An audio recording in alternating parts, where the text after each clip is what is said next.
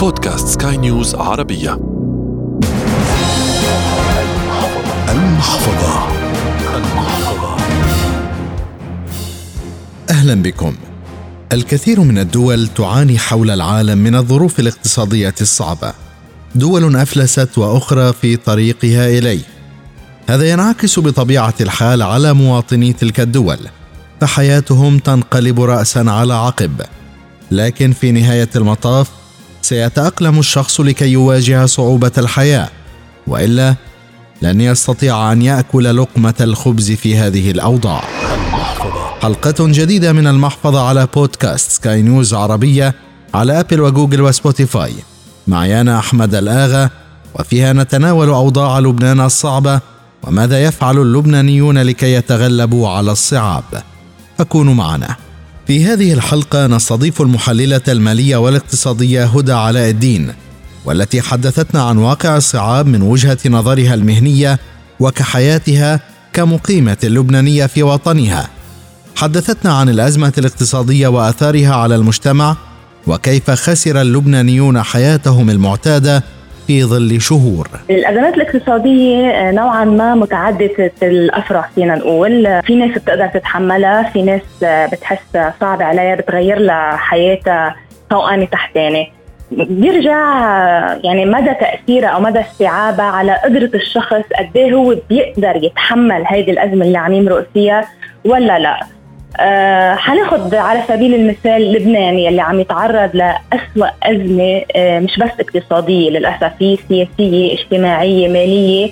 أه حتى البنك الدولي صنفها من بين أسوأ ثلاث أزمات بالعالم. ومؤخرا صحيفة الول ستريت جورنال صنفت الانهيار يلي عم يمرق فيه لبنان انهيار القرن.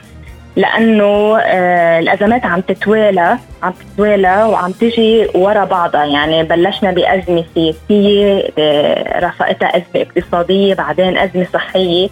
كلها انعكست سلبا على المواطن اللبناني.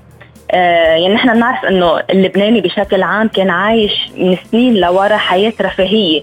يعني بيقدر يسافر مرة مرتين بالسنة بيقدر يأمن دولار امتين ما بده بيقدر يجيب آه سيارة يبدل سيارة اثنين بالسنة.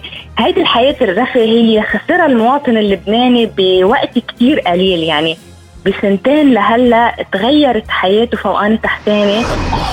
ومع كل هذه الأوضاع تبقى هناك محاولة للتكيف معها مع وجود البدائل في وجه التغيرات. اللبناني عم بيحاول ليتخطى هذه الأزمة عم بيحاول يتكيف مع الأزمة ويتأقلم. يعني أول شيء يتأقلم مع ارتفاع الدولار. يعني مثلا كان الحد الأدنى للأجور إذا بدك 150 دولار آه هلأ صار 40 دولار. آه صرنا الكهرباء كانت تجي مثلا 16 ساعة أو 14 ساعة بالنهار هلأ عم تجي ساعتين. آه البنزين كنا عم نعبيه دغري بنوقف على المحطه بنعبي. هلأ عم نوقف ساعتين ثلاثة لنعبيه.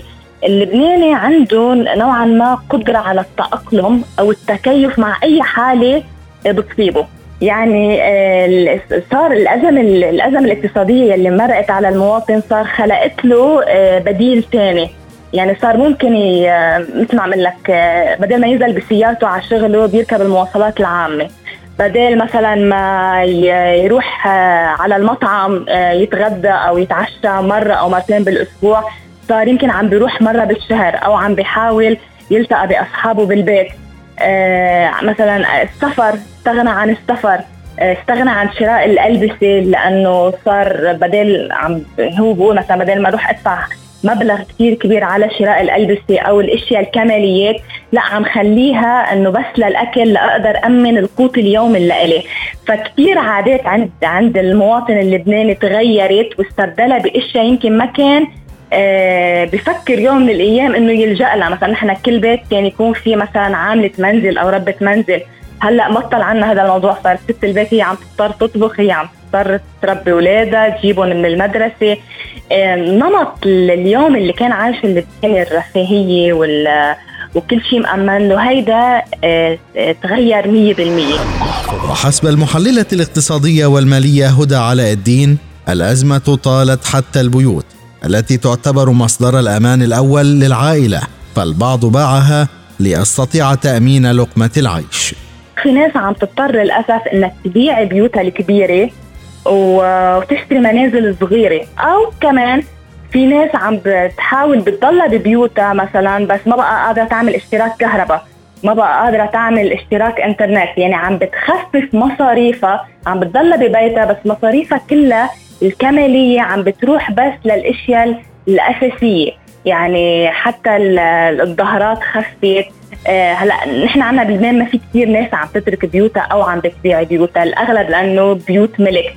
بس عم بتحاول تقلل من المصروف. يعني مثل ما عم لك ما في اشتراك كهرباء ما في موتور آه ما في انترنت آه كله عم يعني بدل ما أنا كنت أشتري مثلا صنف أو اثنين أو ثلاثة عم بضطر أشتري صنف. بدل ما بدي الكهرباء عشر ساعات عم بقتنع فيها إنه تجي آه، ساعة. هيدا التحول بالعقلية تكيف مع الأزمات مع الأزمة الاقتصادية اللي عم يمرق فيها لبنان غيرت هيدا النمط. وبالعكس يعني بدل ما صار المواطن اللبناني عم بحس إنه طريقة آه، معيشته عم تنحدر نزولا. ولكن مع وجود البدائل تبقى هناك صعوبات. حتى كمان لك شغلة إنه الوسائل البديلة كمان نوعا ما منا كلها متاحة حتى إذا متاحة عم بتكون غالية. يعني حتى آه، المواصلات العامة إذا أنا بدي أستبدلها إذا بدي بدل أنزل بسيارتي أنا تقريبا يعني عم بحط 20 30 ألف مواصلات يوميا. بالنسبة لي أنا 20 30 ألف كنت فول نص سيارتي بنزين. يعني حتى البديل متاح إنما منه متاح كمان للجميع. المنقذ الوحيد في لبنان يبقى حسب علاء الدين حوالات المغتربين. نحن بكل بيت تقريبا لبناني في مغترب عايش برا. آه، لبنان بعده واقف من التحويلات يلي عم بيعطوها المغتربين. يعني على سبيل المثال المغترب كان يبعث لنقول 500 دولار بالشهر.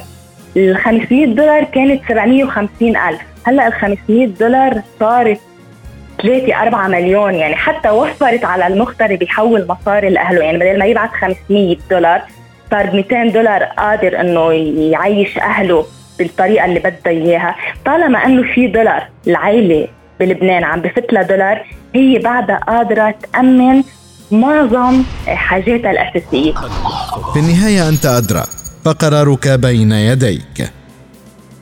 إلى هنا وصلنا لنهاية هذه الحلقة من برنامج المحفظة والتي أتتكم عبر منصة بودكاست سكاي نيوز عربية على آبل وجوجل وسبوتيفاي.